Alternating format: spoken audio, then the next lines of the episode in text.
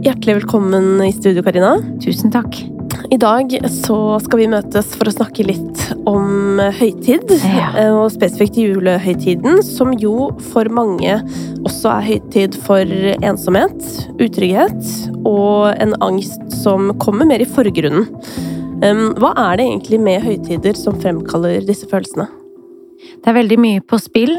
Det er flere elementer i det, men jeg tenker forventninger. Ehm, Familierelasjoner er jo ofte en, en kilde til konflikt for mange. Det er følelser på en annen måte. Eh, Jeg tenker at noe av det sentrale her er nettopp forventninger til hva det skal være. Det skal være noe annerledes, det skal representere noe annet. Og da er sannsynligheten for å bli skuffet veldig stor. Mm. I tillegg eh, er det ofte minner knyttet til høytider. Det vil si at i møte med en høytid, som for eksempel julen, så kan man også kjenne på mange følelser som ikke er knyttet til denne julen som man møter nå, men til tidligere erfaringer og opplevelser som kanskje har vært vonde og vanskelige, og som da trigges og vekkes igjen. Mm. Jeg tenker at vi skal innom begge disse to tingene. Både dette med um, at man kan ha minner fra tidligere høytider, men også uh, her og nå. For, for mange, som sagt, så dukker det opp vanskelige følelser i jula. For eksempel da følelsen av at jeg er den eneste som eh, ikke har det bra akkurat nå. Eh, Det handler jo om forventninger. Eh, Man tenker at julen skal være på en måte, og så blir den kanskje ikke sånn du opplever at i gåstein alle rundt deg har det. Hvordan kan man møte den følelsen? Det er en høytid også for sosial sammenligning, og det er akkurat det du setter ord på, Mm. eh, setter fokus på. Og det er nettopp dette med å eh, bli eksponert for, spesielt i vår tid, da, i tilgjengelighetens tid, hvor vi eh, de aller fleste av oss er mer eller mindre aktive på sosiale medier, og da også blir eksponert for andres liv og tilværelse, som viser en brøkdel, antageligvis, av det hele bildet, men som blir en kilde til sammenligning. Og så har vi noe som heter bekreftelsesfellen, det vil si at i det øyeblikket du er overbevist om at ting er på en bestemt måte, så vil du også se tegn som bekrefter det. Det vil si, er du overbevist om at alle andre har det så bra, det er bare jeg som sitter hjemme alene og ikke har noen å være sammen med, eller eh, for eksempel, så vil du se tegn og beviser i alle mulige sammenhenger som bekrefter det du tror. Du vil ikke se tegn som er motbevis, for eksempel. Mm. Men det er jo også, ikke til å stikke under en stol, at jula er jo på en måte da ting kan bli veldig tydelig, da. Hvis du for eksempel har en uvanlig familiesituasjon, eller du egentlig Kanskje ikke du har en familie engang. Altså sånn, når alle på en måte drar hjem til jul, og hvis du da sitter der og er den ene som ikke drar hjem til jul, det blir jo på en måte et utrolig tydelig bilde på at man føler seg annerledes. Derfor er høytider også sårbart. Jeg har lyst til å snakke litt om det. Dette her med at noen eh, kanskje ikke har alle disse familieselskapene å gå i og føler seg aleine. Hvordan kan man møte mennesker som man vet har det sånn? Jeg tenker at dersom du selv er Jeg holder på å bruke ordet pårørende, eller kjenner til en som, som er i en sånn situasjon, så er jo høytiden en tid for å inkludere, for å invitere, utover sin egen familie, utover sin egen vennekrets, men representerer en mulighet for å skape et rom utover og skape plass til også de man ikke kjenner så godt. Så det er en tid hvor vi alle kan være bevisste på å inkludere Mm. flere enn akkurat den tette, nære flokken. Vi har fått en eh, henvendelse fra en som hører på eh, Noia. Og her står det at julen skal tilbringes på hytta, som skal fylles i randen med familiemedlemmer. Jeg har slitt mye med panikkangst det siste året, og bekymrer meg for at jeg ikke skal klare å kose meg og nyte øyeblikkene, da frykten for å få noia alltid er til stede. Har dere noen gode tips som jeg kan ta med meg inn i jula? Hva gjør du for å sikre deg? Hva er det du unngår? Og kanskje kan denne innsikten bli til en mulighet for å få noen nye erfaringer, gjøre noe annet. Eh, ofte så, som vi jo har snakket om flere ganger før, så i møte med angst så utvikler vi, vi mennesker ofte både sikkerhetsstrategier, men også unngåelse, eh, hvor intensjonen er god for å dempe angsten på kort sikt, men på lang sikt så er det det som virker vedlikeholdende, i verste fall forverrende. Så dersom du identifiserer hva du unngår og måten du sikrer deg på, så kan du gjøre noe annet, og dermed gå angsten i møte og ta brodden ved den. Mm. Det er en annen som også skriver i denne forbindelse. Ehm, det kan fort bli mye sosialt samvær i julen.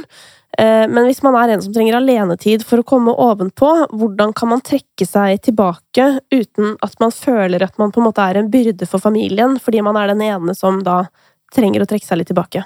Kjempeviktig perspektiv. Si det høyt. Sett ord på det. Ehm, sett ord på, til innsender, din egen frykt for å være en byrde, eller i veien. Um, sett ord på at dette er et prosjekt du ønsker å øve deg på, at du trenger den tiden for deg selv for å lade, for å kunne være den beste du kan være for de, for omgivelsene. Mm. Og kanskje gjør du ikke bare deg selv en tjeneste, men også andre en tjeneste, i kraft av å representere det. Nær halvparten av oss er dominert av introverte egenskaper, det vil si, vi lader med alenetid. Og vi responderer ulikt på stimuli. Og det skal du eie, og møte deg selv på den måten du trenger. Øve deg på å sette grenser. Og når du respekterer deg selv, så vil du også bli respektert av andre mennesker omkring deg. Mm, og her tenker jeg også det at man er den i familien som tør å si sånn Skal vi slappe av litt nå, eller? Så, mm. så gir man jo også den muligheten til alle de andre i familien. Eh, at i denne familien, eller i dette selskapet, så er det lov å si at nå trenger jeg litt tid for meg selv. Og så er det også greit for alle andre, for det kan jo ofte hende at det er mange som sitter og kjenner på akkurat den samme følelsen. Nettopp. Og det er også en invitasjon til å gjøre en forventningsavstemming. Nå skal vi på hytta. Ja. Eller eh, vi skal tilbringe en del tid sammen. Hva er det viktigste for deg? Mm. Hvordan kan jeg møte deg på den måten du trenger? Hva trenger du fra meg? Eh, og hvordan kan vi legge til rette for at alles behov skal bli møtt på best mulig måte. Mm, ofte så har man jo så Man tenker at alle har så ekstreme forventninger. Uh, og jeg kommer til å tenke på det sjøl. Sånn hvis jeg skal på hyttetur med venner, så er det sånn Jeg blir skikkelig glad hvis jeg kan gå en skitur uh, og sitte i sofaen og strikke. Eller skjønner du? Det er sånn Det er det man forventer. Kanskje spise noe digg. Men ellers så vil man jo ofte bare ha den varme og liksom gode Altså det gode selskapet. Og det trenger jo ikke å være noe annet enn bare det. Nettopp. Trenger ikke å ha boblebad og sjampis, liksom. Eller bilder på Instagram. Og forventningsavklaring er et sånn nøkkelord. Bare få snakket rundt det. Mm. Det som også for mange kan være en utfordring i forbindelse med høytider, og da ferier, det er jo dette med brudd på rutiner. Eh, og for mange, og kanskje særlig som sliter med angst og på en måte lettere depresjon og sånn, så er jo nettopp det å opprettholde rutiner veldig virksomt. Så spørsmålet her er jo hvordan kan man beholde rutiner og god flyt i ferien? Hvilke rutiner setter du mest pris på i hverdagen? Det kan være å stå opp til samme tidspunkt hver dag. Det kan være å starte dagen i kroppen med noen puste-bevegelsesøvelser, eller eh, gå en tur ute. Det kan være god kaffe. Men Kanskje identifisere én til tre rutiner i hverdagen som du normalt verdsetter, og implementere de, de også i helligdagene gjennom julen. Mm, og der tenker jeg jo at, i hvert fall for egen del, så dette med fysisk aktivitet er jo en slags rutine jeg prøver å opprettholde også gjennom jula og andre ting, men eh, jeg prøver å tillate meg å kanskje gjøre det litt annerledes enn jeg gjør det i hverdagen, så der jeg kanskje ville dratt på treningssenter etter jobb, så går jeg med heller kanskje en lang skitur. Altså, det går jo an å tenke annerledes rundt det, at man kan gjøre aktivitetene sine mer feriete, holdt jeg på å si. Ta seg bedre tid, alt det her, eh, men at man fortsatt opprettholder aktivitetsnivået, da. Og jeg tenker at det er, det er tre sånne grunnleggende kilder til god psykisk helse og velvære for de aller fleste, da. Det er søvn. Å ivareta en ok døgnrytme, spesielt hvis du er var Mm. for det. Det er mat, kosthold. Det blir ofte mye god mat og kos i julen, for eksempel, eller julen spesielt, og det er fint, men er du en som trigges litt av det, vær litt oppmerksom. Og så er det dette med fysisk aktivitet. Det hjelper, virker rett og slett medisinsk for de aller fleste av oss. Mm. Du var så vidt inne på det i stad, Karina, men for mange så er jo julen i seg selv forbundet med negative følelser. Det kan skyldes tidligere erfaringer i tidligere eh, julefeiringer, eller det kan skyldes eh, noe innad i familien, eller ja, det kan være så mangt, da, som kan gjøre at på tross av at det egentlig nå ligger til rette for en fin høytid, så er det vanskelig å se positivt på jula. Er det noe man kan gjøre for å på en måte bidra til å endre følelsene sine rundt høytiden? Minn deg selv om at du har aldri vært der du er nå, før. Selv om det føles sånn, selv om i møte med julen så kan tidligere erfaringer fra tidligere julehøytider trigges, så har du aldri erfart julen 2018 helt spesifikt før. Mm. Så dette er først og fremst en anledning for en ny erfaring. For flere nye erfaringer. Hva trenger du? Hva vil hjelpe deg? Og hvordan kan du legge til rette for å skape noen nye og viktige opplevelser for deg? Og da vil jeg invitere til å bruke nysgjerrigheten din. Være nysgjerrig. Hva trenger du? Hvordan erfares de minnene du har med deg, i kroppen, i tankene, i følelsene? Kan du observere de, heller enn å identifisere deg med de?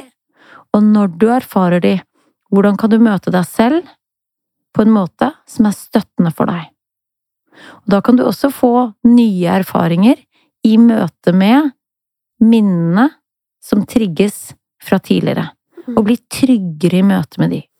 Men apropos trygghet, Karina. Vi har jo snakket om flere ganger i Noia hvordan noen ganger tryggheten er det vonde. Fordi hvis man har hatt mange vonde erfaringer opp igjennom, eller man har levd med angst lenge, så er jo det det trygge livet. Det er jo på en måte det man kjenner. Og det å skulle gå ut av det kan jo oppleves megaskummelt. Og derfor oppleves det kanskje for noen lettere å bare si nei, julen, den er alltid grusom. At man går inn med det som utgangspunkt. Er det noe man kan gjøre der? Dette kan fort bli selvoppfyllende profeti som fastholder negative erfaringer. I frykt for å oppleve det samme igjen, oppleves det mye tryggere å senke forventningene eller å forvente det verste. Jeg tenker en god tilpasning kan være gå inn med håp, skru forventningene ned, vær åpen og nysgjerrig i møte med en ny høytid, og se hva som kan åpne seg da. Der tenker jeg vi alle kan ha noe å lære, da, for det er jo en velkjent forsvarsmekanisme å eh, tenke det verste hele tiden, og jeg har brukt den ganske mye selv. Eh, Det som er så kjipt med det, er jo nettopp på en måte det derre at egentlig spenningen forsvinner litt, da, fordi man bare velger å tenke at ting skal gå galt, eller at ting ikke kommer til å bli bra uansett. Eh, Og så er det selvfølgelig da veldig hyggelig å bli overrasket over at ting går bra, men jeg tenker kanskje er det enda hyggeligere når du har hatt et håp, og det håpet blir innfridd. Absolutt. Det er lov å drømme, det er lov å håpe, det er lov til å legge til rette for gode og verdifulle, givende erfaringer. Apropos forventninger, så er det jo sånn at nyttårsaften også er en dag i julehøytiden. En dag mange har store planer rundt, eh, og mange føler at alle skal ha noe skikkelig gøy på nyttårsaften, eh, mens man kanskje selv opplever at man har en ikke så spennende plan sammenlignet med andre.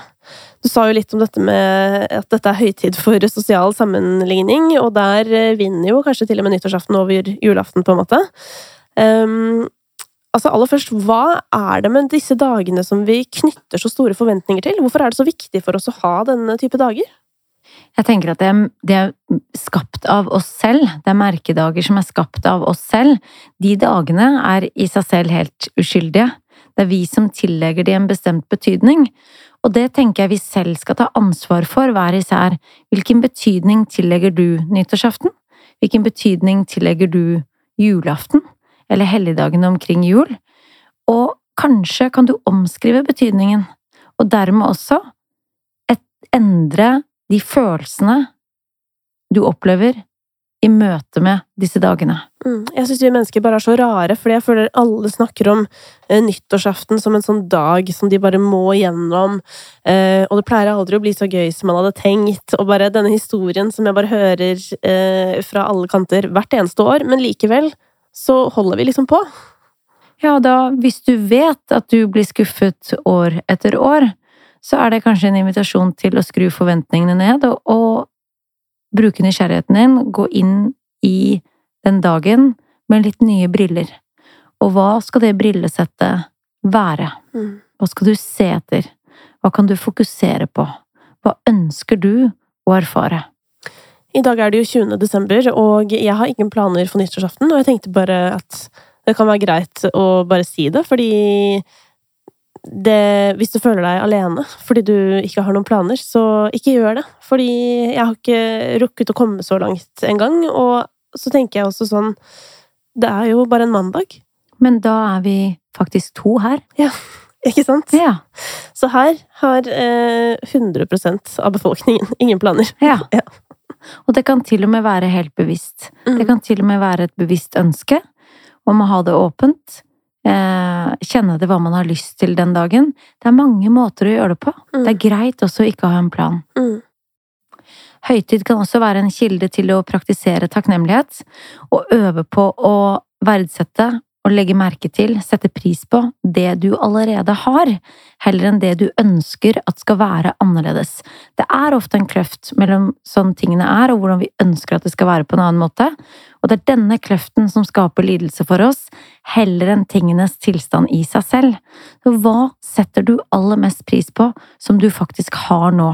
Det kan både være gode relasjoner, det kan være øyeblikk du erfarer gjennom dagen, det kan være andre ting du verdsetter akkurat ved denne julen. Og med det så tenker jeg at vi skal ønske alle en god jul. Og takke for å følge denne sesongen av Noia. Vi setter så pris på alle tilbakemeldinger vi har fått, og at vi i det hele tatt får lov å gjøre dette. Og det kan vi jo takke Rådet for psykisk helse og Ekstrastiftelsen for, som støtter helseprosjekt i hele Norge og gjør en helt fantastisk jobb. Det er altså de som eh, gjør det mulig for oss å lage Noia, og det setter vi umåtelig pris på. Og så håper vi eh, at du får en så fin eh, ferie som du bare kan. Og så håper vi selvfølgelig at vi høres igjen.